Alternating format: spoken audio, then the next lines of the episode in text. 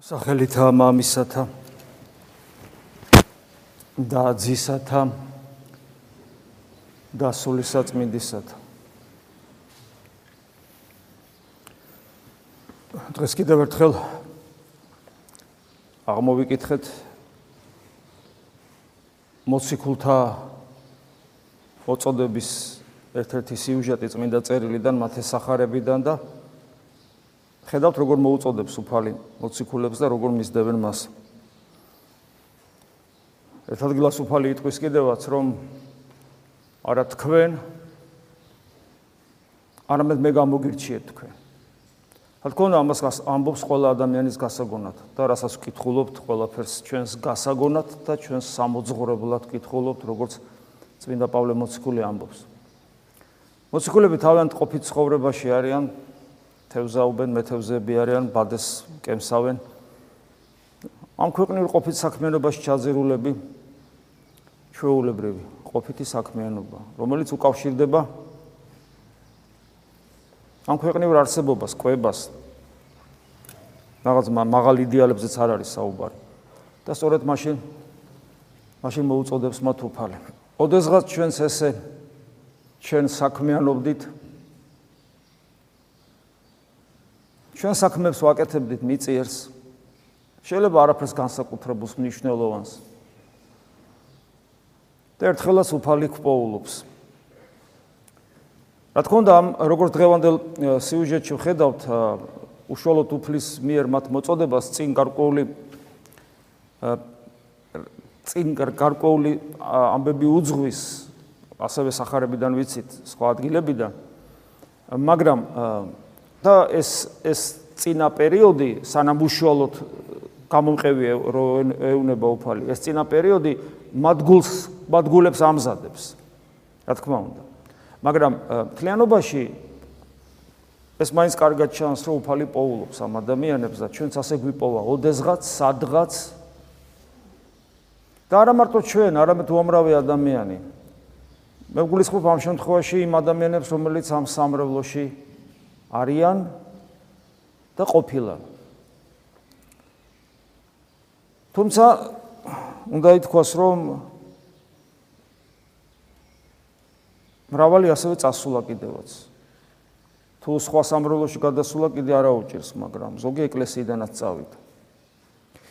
ანუ შეიძლება მოწოდებული ისევ წავიდეს. რატომ? იმიტომ რომ უფალი არასოდეს ჩვენს თავისუფლებაზე არ ახდენს ზეწოლას. მოგიწოდა შენი ნებით წამოყევი, გამოყევი ამ ხმას. მოხვედი. მაგრამ შენი ნება, შენი თავისუფლება ისევ შენთან არის და შენ შეგიძლია ისევ უარი თქო. სამწუხაროდ მრავალი ადამიანი ამ თავისუფლებას სწორედ სწორედ ასე ასე და ამგვარად იყენებს.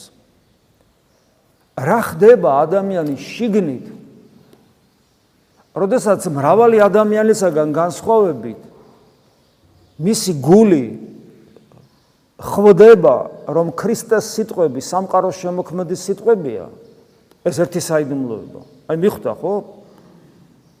დღეს მაგალითად ვის არ ესმის სახარების სიტყვა. ნუ ერთ-ერთი პროტესტანტი მისიონერი ესეთ სტატისტიკური მონაცემები მოაქრო სადღაც 3 მილიარდი ადამიანია დღეს სამყაროში ჯერ კიდევ ისეთი, რომელსაც ღვთის სიტყვა არ გაუგონია.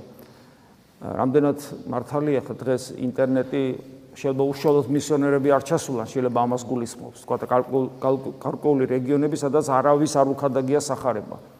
თუ ნებისმიერ კონფესიას გულისხმობ, აი სახარება არავის არ არ უხადაგია, ქრისტეს სახელი არავის არ გაუგია, იმ გაგებით რომ იქ არავინ არ ჩასულა, მაგრამ დღეს თანამედროვე კომუნიკაციის საშუალებები ალბათ იძლევა იმის შესაძლებლობას, რომ მეტნაკლებად ყველამ გაიგოს. ასეა თუ ისეა.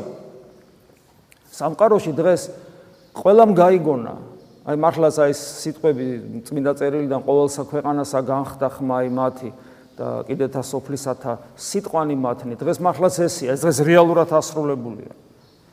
თუმცა თავის დროზეც, როცა რომის იმპერიაში მოციქულებმა გაიტანეს აა ღვთის სიტყვა ეს უკვე ესეც საოცრება იყო, იმიტომ რომ ამ ხელა იმპერიაში, ამ ხელა ცივილურ სამყაროში, მაშინდელ ცივილიზაციის ცენტრში და ფეხით დადიოდნენ, ფეხები დადიოდნენ, ტრანსპორტო საშუალებას ადიყო, აცხენებიც არ ქონდა და ასე შემდეგ, აი ესე დადიოდნენ და მთელ მაშინდელ რომის იმპერიაში იქადაგეს სარწმუნოება.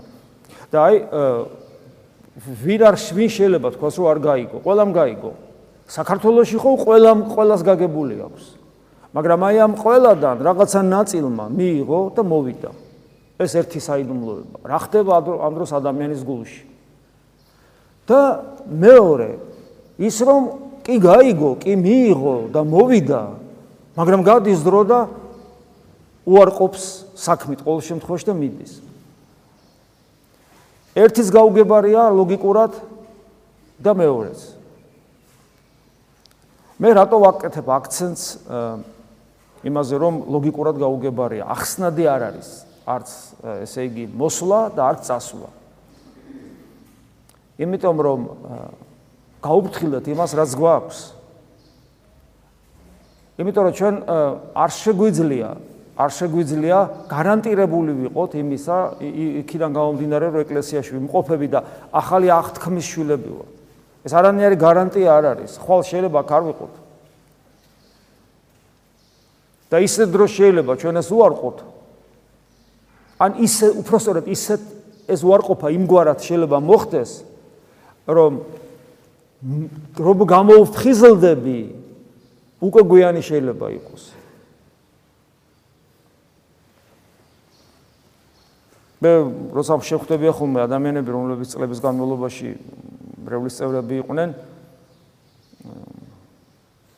ну, ახლა როცა შეხვდება ხო გაგიხარდება ადამიანი რომელიც ოდესღაც ახსარებას გაბარებდა ან ეკლესიაში ხედავდი და მე აღარ არის.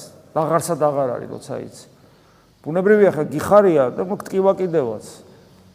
ხო, და ადამიანებს აქვთ ხოლმე როგორი სახე, იცით, აი, რო წაასწრებენ რაღაც დანაშაულზე. რაღაც ისეთი აი აი დამნაშავეთ რო გძნობს თავს, მაგრამ თან იხტიბარსაც არის ტექსტ და წარმოგიდგენიათ ღვთის წინაშე რო წარვდგებით. რა ვნახეთ უკეთესი ამ სამყაროში? ვიდრე ქრისტია. მithumetes როცა იგი შევიცანით მას მე. მაგრამ ადამიანის გულში ჩვენგან ჩვენ თუ მithumetes ხო ჩვენ ხო ვიცით რომ ადამიანმა საკუთარი გული უნდა აკონტროლოს ადამიანმა სიფხიზლისა და მღვიძარების სათნოება შეიძინოს გონებისმიერი ლოცვის ერთ-ერთი დამსახურება სწორედ ის არის, რომ მუდამ ჩვენი გულის სადარაჯოზე ვდგავართ. ხშირად გესაუბრებით ამ ბოლო პერიოდში, რომ როგორი საშიშია გულის თქმებისა და აზრების ტყეობაში ყოფნა, რომელიც აუცილებლად ან царსულში, ან მომავალში გამყოფებს და თითქმის არასოდეს არა ვართ აწმყოში, საკუთარ გულში, იმიტომ რომ აწმყოში რომ იყო, ან კონკრეტულ რაღაცას შემეცნებით სამუშაოს უნდა ატარებდე და როცა ეს არ არის, მაშინ ესე იგი ამ სამყაროში გადღაბნილი ხარ და აქ არ ახარ და აქ რო არ ახარ, აქ რო არ ახარ, შენი გული დაუცველია, იმიტომ რომ აქ რო ხარ, უნდა იყო ქრისტესთან ერთად შენს გულში, თუ ესე არ ახარ, ან წარსულში ხარ, ან კიდევ მეორებ მომავლის ოცნებებში და რო არ ახარ აქ, ანუ ფაქტურად გულის კარები ღია გაქვს. ამაზე აი გუშინაც შეხვედრა რო იყო იქაც კიდევ ერთხელ აქცენტს ვაკეთებდით ამაზე. პერიოდულად აი მონიტორინგი უნდა ჩაატაროთ საკუთარი მდგომარეობის. უცებ კითხოთ, აბა სადა ხარ? აღმოჩნდება რა წარსულში ხარ? იხსენებ რაღაცებს ან მომავლის ოცნებებში. თითქმის არასოდეს არ ახარ დღეს ამ წუთში აი აქ ამ წამში. იმიტომ რომ არის რა გააკეთო. თუ რაღაცას დავალება გაქვს, თუ რაღაცა საქმე გაქვს, თუ რაღაცას აკეთებ, ვიღაცას ელაპარაკები კი, მაგრამ თუ არაფერს არ აკეთებ და თუ არაფერი დავალება რა, ტრანსპორტში ხარ, ფეხით მიდიხარ, სეინო, წამოწოლილი ხარ და ასე შემდეგ, როგორც წესი არის რა გააკეთო, ამიტომ აქ არ ახარ და ხარ იქ, სადაც ოდესღაც იყავი და სადაც ფიქრობ რომ იქნები. ანუ რეალურად არ სადარ ახ. და რასთავარი არ ახარ გულში. ეს ნიშნავს რომ გულის კარები ღიაა. და იქ ამ დროს რა პროცესები მიდის? ვინ იცის? და აქედან იბადება აზრების ტყვეობა, აქედან იბადება ის დესტრუქციული აზრები და ემოციები, რომელიც დემონური წარმოშობის არის, აქედან იბადება დეპრესიები, უიმედობანი, სოდვის დაბადება აი ასე ხდება ზუსტად. სოდვის დაბადება ზუსტად ასე ხდება. აი როგორ არის რომ ადამიანი ისეთ რამეს ჩაიდენს? რაც მე მე თვითონვე უკვირს. აი ესე გული ღია, შემოდის რაღაცა აზრი ის აზრი არ იქნა არ იქნა განდევნილი, იმიტომ რომ ვერ იქნა გამოცნობილი როგორც ბოროტება, ან გულს პატარა სიამოვნება დაუტოვა იმ აზრმა და შეიტკბო, დაიწყო ფესობის გადგმა და როდესაც ის ფესს გაიდგავს, იქიდან საქმემდე უკვე ერთი ნაბიჯია. და მეცას გეტყვით. ადამიანს უკვე უნარის აღარ აქვს, ხშირად შეეწინააღმდეგოს. უკვე ფაქტურად ხდება დამონებული ამ საცეცებს, რომელიც დემონურია. აი ეს არის. და ეს ყველაფერი გამოწვეულია იმით, რომ არა ვართ იქ, სადაც უნდა ვიყოთ. და აი პასუხისმგებლობა კი, როდესაც მე უკვე ქრისტიანი ვარ და მე ვიცი ახალი აღთქმის ჯული, პასუხისმგებლობა კი ძალიან დიდია. როგორც პეტრე მოციქული ამბობს, ჯობდა არ შეგეცნოთ ჭეშმარიტება და არ განწმენდილიყავით, ვიდრე ის რომ შეიცანით, განიწმინდეთ და კვლავ ძველ ცხოვრებას დაუბრუნდით. ასეთი ადამიანი წარასიტყვებია, მე მომიყვანე მომიყვანეს ამბიონიდანაც და ყოველთვის ვამბობ, რომ ეს რო იქ არ წერებულიყო და ეს არის თქვა, ამაზე ხარ როგორ ვიტყოდი, მაგრამ ესე ამბობს. რამე თუ თუ კვლავ ძველ ცხოვრებას მიუბრუნდებით და ემსგავსებით ძახს, რომელიც თავის უკაცრავად ნარწყევს მიუბრუნდება და ღორს, რომელიც კვლავ დაბანილ ღორს, რომელიც კვლავ წუმპეში გაგორდება. აი ესე ამბობს ნატურალურად, აი წაიკითხეთ აა პეტრე მოციქულის წერილიდან ნახავთ. აი ეს არის. ხო და აი პასუხისგებლობა ძალიან დიდია და და ეს ესე ესე ამ ამ სტილზე არ საუბრობს, მაგრამ პავლე მოციქული კიდევ უფრო საშინლად საუბრობს. საზარელი მოლოდინი, მე ესე ამბობს. რა გარჩება ადამიანს? მისთვის მსხვერპლი აღარ იქნება, მის მსხვერპლი უკვე შეწირულია. ღმერთი მოკვდა შენთვის. შენ მიიღე და მე უარყავი და აღარ აღარ არჩება შენთვის მსხვერპლიო და რჩება საზარელი მოლოდინი საფრთხოს ჯავრის. ადამიანმა მეოხი გვერდზე გაწია და დადგა აი ამ სიდიადის წინაშე, რასაც ქვია ღმერთი, რომლისათვისაც აბსოლუტურად მიუღებელია ნებისმიერი უწმინდურობა. გასმით, აი ეს არის. ხო და აი დღეს რომელთა მიმართ ეპისტოლეში პავლე მოციქული აი ესეთ რაღაც საუბრობს საუბრობს იუდეველობიდან მოსულ ქრისტიანებზე და წარმართებიდან მოსულ ქრისტიანებზე და იმ ადამიანებზე ასევე წარმართებზე რომელიც რომლებიც რომლებიც არის არიცნობდნენ ძველი აღთქმის ჯულს ამაზე საუბრობს მაგრამ რადგან ეს ჩვენთვის დაიწერა, ჩვენ ჩვენს რეალობაში უნდა გადმოვიტანოთ და ამას აკეთებს პირდაპირ სიმონ ახალი ღვთისმეტყველი და როცა აქ საუბარია რჯულზე, პავლე მოციქული გულისხმობს ძველი აღთქმის რჯულს, მაგრამ სიმონ ახალი ღვთისმეტყველი განაზოგადებს და ამბობს, რომ ჩვენ უნდა მივიღოთ ეს ჩვენ როგორც ახალი აღთქმის ჯული, ანუ ჩვენ რომელმაც ვიცით ქრისტეს ჯული, ანუ ახალი აღთქმის ჯული. ანუ ჩვენზეა საუბარია. ეს ესე თარგმნის სიმონ ახალი ღვთისმეტყველი ამ ამ პავლე მოციქულის აი ამ სიტყვებს ეს არის რომელთა მიმართ ეპისტოლის მეორე თავი. პავლე მოციქული ესე ამბობს, რომ ვინც ურჯულო განასხვავებს, ურჯულოდ შესწოდა, ურჯულოთვე წარწმდება. ხოლო ვინც რჯულით სწოდა, რჯულითვე განიკითხება. ყველა წმინდა მამა, რომელიც მე ვნახეთ, salsახათ ესეთ რამეს ამბობს. როცა წერიაო, რომ ურჯულოდ შესწოდა, ანუ არის ის ადამიანმა ქრისტიანობა. ანუ არ არ გაქრისტიანებულა ჯერ. აი სიმონ ახალი ღვთისმეტყველი ესე ამბობს, რომ აქ ვიგულისხმოთ ის ადამიანიც, რომელიც მონათლული კი არის, მაგრამ არ არის განსწავლული ქრისტიანობაში. უბრალოდ მონათლულია. ესე იგი მე 10 საუკუნის мама არის სიმონ ახალი ღვთისმეტყველი და ძალიან ხშირად საუბრობს ამაზე. ძალიან ხშირად, რომ ადამიანები მონათლულები არიან და ქრისტიანობის წარმოქმნა არ აქვს. ფიქრობ, ლამის დღევანდელ დღეზე საუბრობს. ანუ მაშინაც და ნახეთ, როდესაც საყოველთაო იყო ქრისტიანობა, ესე იგი ბიზანტიის იმპერიაში საყოველთაო ხასიათი როცა ქონდა მას და როცა ეს ითვლებოდა საზოგადოებრივ სოციუმში დამკვიდრების, მით უმეტეს დაწინაურების აუცილებელი პირობა, როცა იყო ქრისტიანობა და ამავე დროს ამ კულტურის ნაწილი რო იყავი, აი როგორც ქართულ სინამდვილეში ხდება, ეს ადამიანები ისე ინათლებოდნენ, რომ არ კატეხიზაციასაც არ გადიოდნენ და შესაბამისად არ იყვნენ რეალურად ქრისტიანები და ამაზე ძალიან ბევრს საუბრობს სიმონ ახალი ღვთისმეტყველი და ამასაც ამბობს, რომ ამ რჯულოში შედის მონათრულიც, მაგრამ ქრისტიანი რო არ არის სინამდვილეში. ასეთი ადამიანი როცა სწოდავს, როცა სწოდავს, ის ურჯულ წარწყმდება ურჯულოდ. ეს რა ნიშნავს ურჯულოდ? ანუ მას ის პასუხისგებლობა არ ეკისრება, არ დაეკისრება, რომ ესე იგი შენ ხო იცოდი რომ ეს იყო ჯული და როგორ ცხოვრობდი, ანუ ცოდნის პასუხისგებლობა არ აქვს. ამიტომ წარწყდება, მაგრამ ეს ჯულით არ განიკითხება. ანუ წარწყდება რას ნიშნავს? ესე იგი ღმერთის გარეშე დარჩება. ანუ ჯოჯოხეთი, რა თქმა უნდა, მაგრამ პასუხისგებლობა ესეთია, რომ ის მას რჯული არ მოეთხოვება, იმიტომ რომ არ იცის. ხოლო ვინც რჯულით წოდა, რჯულითვე განიკითხება. ხოლო ის ვინც უკვე ქრისტიანულად ცხოვრობს, ის ვინც იცის ა ქრისტვის ვარდ ჩვენი პასუხისგებლობა ძალიან დიდია, შეუდარებლა. წმინდა მამები ამბობენ, რომ ჯულით განვიკითხებით, ანუ ჩვენ სინდისის მიხედვით კი არ განვიკითხებით. ანუ ვისაც რჯული არ აქვს, აი სინდისის მიხედვით და რა თქმა უნდა, სინდისი გვამხელს, იმიტომ რომ რატო ვერ შეიცანი ქრისტე? რა რა რა იყო შენში, რა რა მიზეზია ის, რომ ქრისტე ვერ დაინახე? ხო შენი ბრალია. ამიტომ რა თქმა უნდა, პასუხს ვაგებთ, მაგრამ როცა ადამიანი ქრისტეს შეიმეცნებს და როცა მისი სინდისი ახალი აღთქმის მცნებებზე აწყობილი, როცა მან ქრისტე იცის ვინ არის, როცა მას განუცდია ღმერთთან ურთიერთობა, იმიტომ რომ შენახებია და მოვიდა.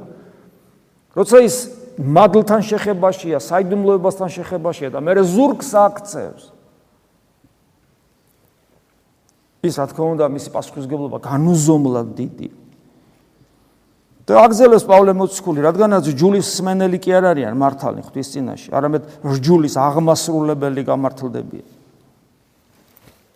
ეხლა ჯულის სმენელი არ არის ადამიანი, რომელიც და არა აღმასრულებელი, არამედ სმენელი, რომელიც მიუხედავად რავალზის შეგონებისა, მაინც იშვიათად ეზიარება, მაინც არ ლოცულობს, მაინც ახარებას არ კითხულობს. ეს ხო არის ჯულის მსმენელი, მან იცის, რომ ეს ეს ყველაფერი ცოცხალი, ინტენსიური დინამიური შემოქმედებითი კავშირი უფალთან ძალიან მნიშვნელოვანია. ხო იცის? და არაკეთებს. რა არის ეს თუ არა ჯულის მსმენელი? ანუ პასუხისგებლობის წინაშე მაინც არის, მაგრამ არ არის აღმასრულებელი. მე რეაგზელებს პავლე მოციქული რომ რჯულის არ მქონე წარმართნი ბუნებრივად აღასრულებენ ჯულს. რჯულის არ მქონენი თვითონვე არიან ასე დროს თავიანთი თავის რჯული. კიდე ერთხელ ვიმეორებ, აქ სიმონახალ ღვთისმეტყველს გადმოაქვს ჩვენზე. ჩვენ ანუ წარმართი ამ შემთხვევაში ადამიანი, რომელიც ახალახმის პერიოდშია, მაგრამ არის ის ქრისტიანობა. შეიძლება ის მონათრულიც იყოს. მაგრამ არის ის ქრისტიანობა. ასეთი ადამიანი ბუნებრივად არის ის ქრისტიანობა, მაგრამ ბუნებრივად აღასრულებს. ანუ რატო? იმიტომ რომ ღვთის ხატია და სინდისი აქვს. და თავისი თავის რჯული თვითონ არის, თავისი თავის განმკითხველი თვითონ არის. აქ საინტერესო რამეს ამბობს, რომ ადამიანი, რომელიც არიცობს ქრისტეს ჯულს, მაგრამ სინდისი ხო აქვს, სინდისი ხო მას ამხელს და ის ის რჯულით არ გასამართლდება, მაგრამ თავისი თავით გასამართლდება, იმიტომ რომ თავისი თავის რჯული თვითონ არის, თავისი თავის რჯული ნიშნავს, რომ თავის სინდისით გასამართლდება. და მე აგრძელებს რომ ისინი გვიჩვენებენო, ანუ ვინც არის ეს ქრისტიანობა, რომ რჯულის საქმენი გულის ფიცარზე უწერიათ. რასაც მოწმობენ მათი სინდისი და მათი აზრები, რომელიც ხან ბრალზდებენ მას და ხან კი ამართლებენ. და ეკლესიის მამები განმარტავენ, რომ ადამიანი, რომელიც ღვთისწინაშე წარსდგება, არა ქრისტიანულად მაცხოვრებელი, თუნდაც მონათული იყოს, ან თუნდაც ადამიანი რომელიც ეკლესიის წევრი არ არის და არც მონათრულია და არც ქრისტიანი არ არის. მისი განმსჯელი არის სინდისი.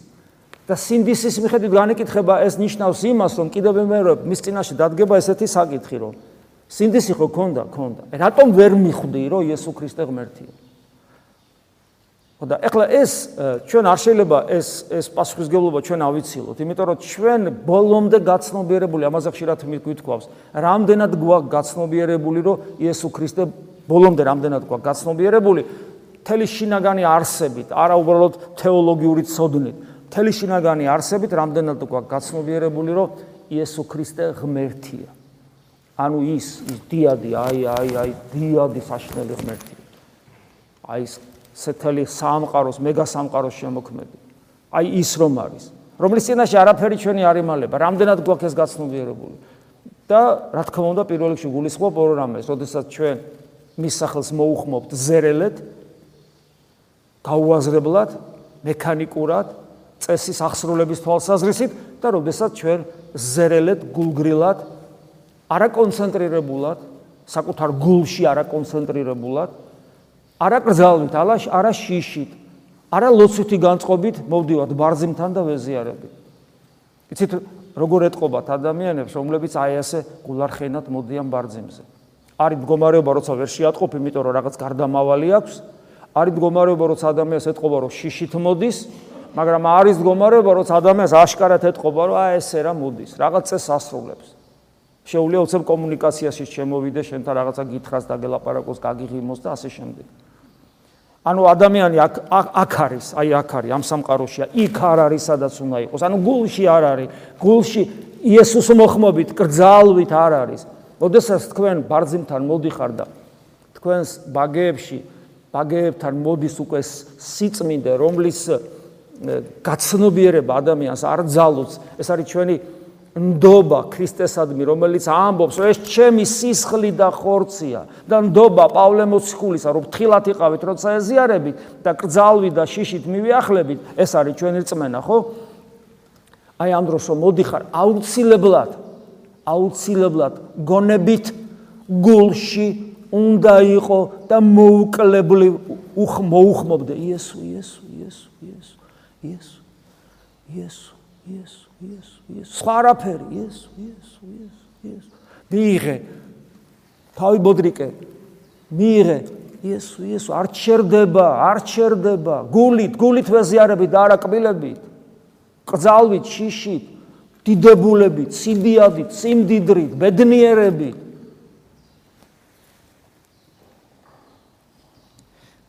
და აი როცა ეს ადამიანმა არიცის, მას სინდისი გაასამართლებს. რატომ არიცი? და როცა ჩვენ რწმენას ვაკლებთ აქ, ჩვენ სინდისი გაგვასამართლებს, როგორც სინდისი, რომელიც იმ ღირებულებებზია და ფასეულობებზია აწყობილი, რომელსაც ქრისტიანული ღირებულებები ქვია. რატომ? რატომ? რატომ ასე გულგრილად? და გულგრილად ერთხელ, გულგრილად ორჯერ და გავიდა წლები 5, 10, 15, 20 წელი გავიდა. ადამიანი ეზიარება ვითომს არაფერს, საერთოდ არ იცოლება. მადლობა ღმერთს, რომ ყველა ესე არა. მადლობა ღმერთს, რომ მრავალი თუნდაც ამ სამრელოში იცოლება და იცოლება. მადლობა ღმერთს, მაგრამ ზოგიერთი რომ არ იცოლება. მადლობა ღმერთს, რომ იცოლება მრავალი და მაგრამ მეორე ხრი ზოგიერთი არა თუ არ იცოლება, არამედ ტაძარსაც უტოვებს. და ეკლესია ამ ტაძარს კი არა, საერთოდ ეკლესიას ოტოვებს. აი იქ რა ხდება? რა ხდება იქ ამ დროს? გავიმეორებ პავლე მოციქულის სიტყვებს. მე ვერ გავბედავდი, ეს კადნიერება იქნებოდა ჩემი მხრიდან, მაგრამ პავლე ამბობს, რა რჩება ამის მერე საზარელი მოლოდინი. იმიტომ რომ პავლე მოციქული ხას უსვავს, რომ ჩვენ ღვთის მტრები ვართ. რითი ვართ ღვთის მტრები? ჩვენი შინაგანი მდგომარეობით, გულის მდგომარეობით. იმიტომ ეს არის აბსოლუტური სიწმინდე. მე შემქმნა, კიდევ ერთხელ მიმეორებ, შემქმნა თავის შვილად და ნებისმიერი მცდელობა იმ შვილობიდან დაბლა ჩამოვიდე. ჩემთვის შეუძლებელს ხდის მასში, როგორც სიწმინდეში მყოფობას. ეს ნიშნავს ჩემს დაღუპვას, იმიტომ რომ დაღუპვა არის ნებისმიერი ნებისმიერი მდგომარეობა, რომელიც ღვთისშვილობას არ გულისხმობს. ამის გააზრება, ამის განცდა, ერთის ხო გონებით რამხელა ბედნიერება ელოდება ადამიანს და მეორეს ხრი პატარა ჩამოსვლა ქვემოთ, რომ არ მინდა ღვთისშვილობა. შეიძლება ამის სიტყვით თქმა კი არ მოხდეს, ცხოვრების წესი არ მინდა ღვთისშვილობა. აი რო არ გინდა ღვთისშვილობა, ვერსად ვერ გაექცევი პასუხისგებლობას.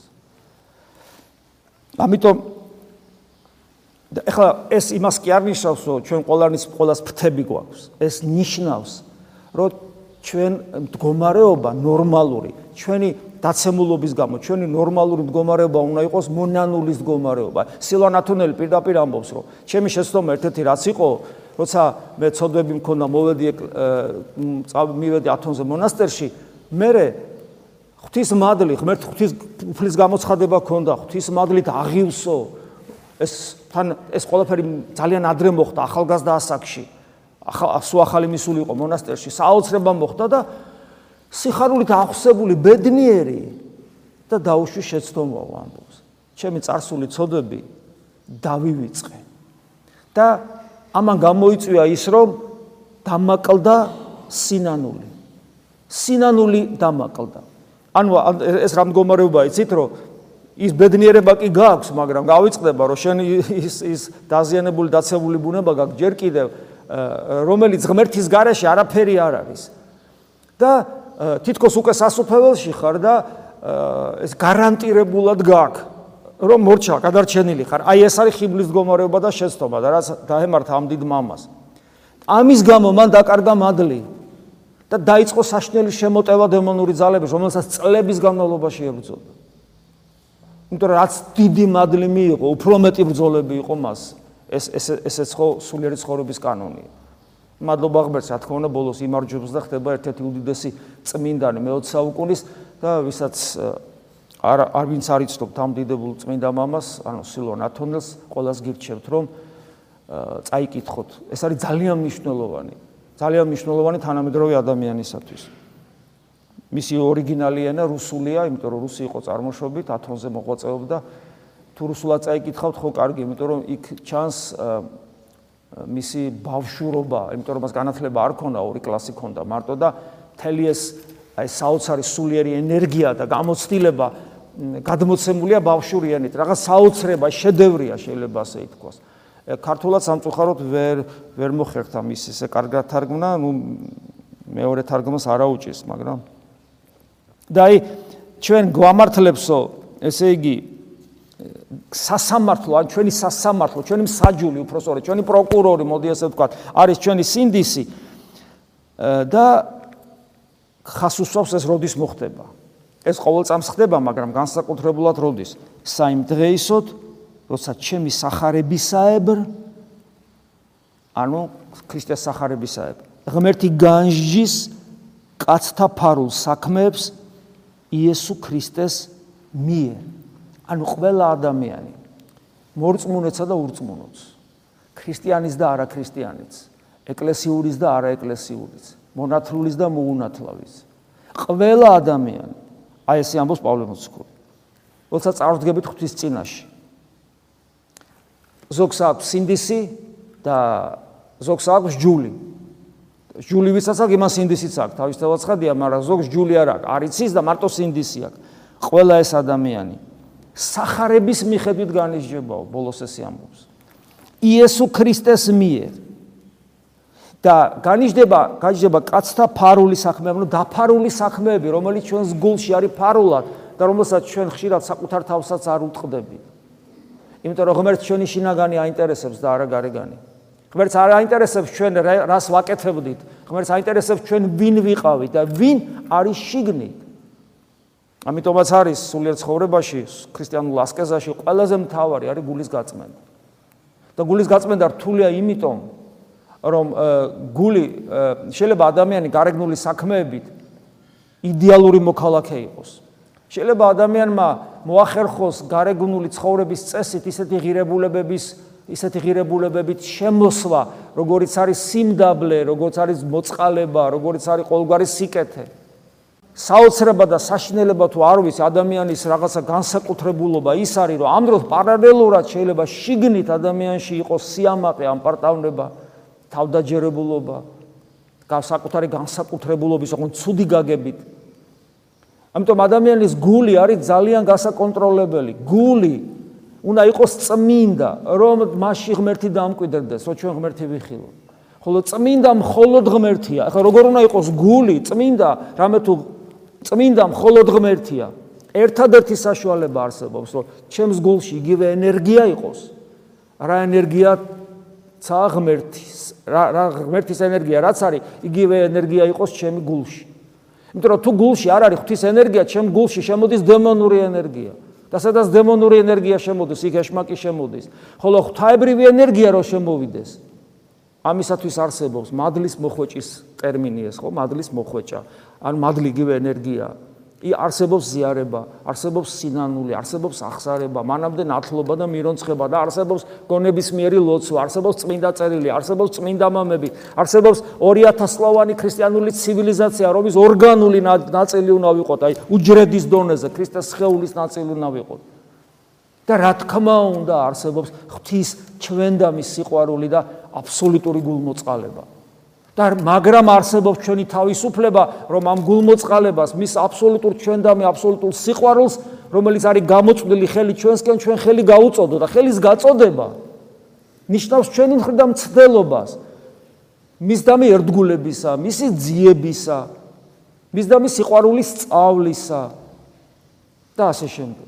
ანუ ჩვენი მხრიდან აქტიურობა ძალიან მნიშვნელოვანია. მიუხედავად იმისა, რომ ჩვენ გადავრჩებით მისი გულმოწყალებით, მიუხედავად ამისა, ჩვენი აქტიურობა არის მნიშვნელოვანი, იმიტომ რომ ჩვენ აქტიურობაში ვლინდება, რომ ეს მინდა. მინდა, მაგრამ თავის შვილად შემქმნა.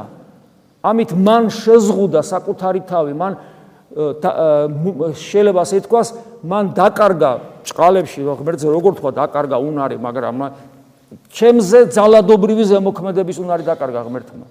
იმიტომ რომ როგორც კი ჩემზე ძალადობრივად იმოქმედებს, მე შვილობას წამართვებს და როგორც ხშირად გეუბნებით, გაწთვნილი ცხოველი ვიქნები. მე ა ღმერთს არ უნდა ჩემი სახით მიიღოს გაწთვნილი ცხოველი, მას უნდა შვილი, შვილს აქვს თავისუფლება და თავისუფლება არის საშინელი იარაღი, რომელთაც მე შემიძლია ღმერთს უთხრა არა და თავი დავიღუპო. ამიტომ მისი გამოწვდილი ხელი ელოდება ჩემს თავისუფალ გადაწყვეტილებას. შენთან მინდა, არ შემიძლია მიჭირს, მაგრამ მინდა და შემიწყალე. აი ასე უნდა მუშაობდეს ქრისტიანის გული და ასეთი ადამიანის გული ივსება საფრთხო ენერგიით, რომელიც მას აძლევს საოცარ თვისებებს, საფრთხო თვისებებს, სიხარულს, ბედნიერებას, სიმამაცეს, ერთგულებას, ყოველგვარ ღირსებას და რაც თავარია ღვთისმშილობას. ქრისტე იესოს მიერ. ამინ. მადლი უფლისა ჩვენისა იესო ქრისტესი და სიყვარული ღვთისა და მამისა და ზიარება სულისა წმინდისა იყოს თქვენ ყოველთა თანა. ამინ.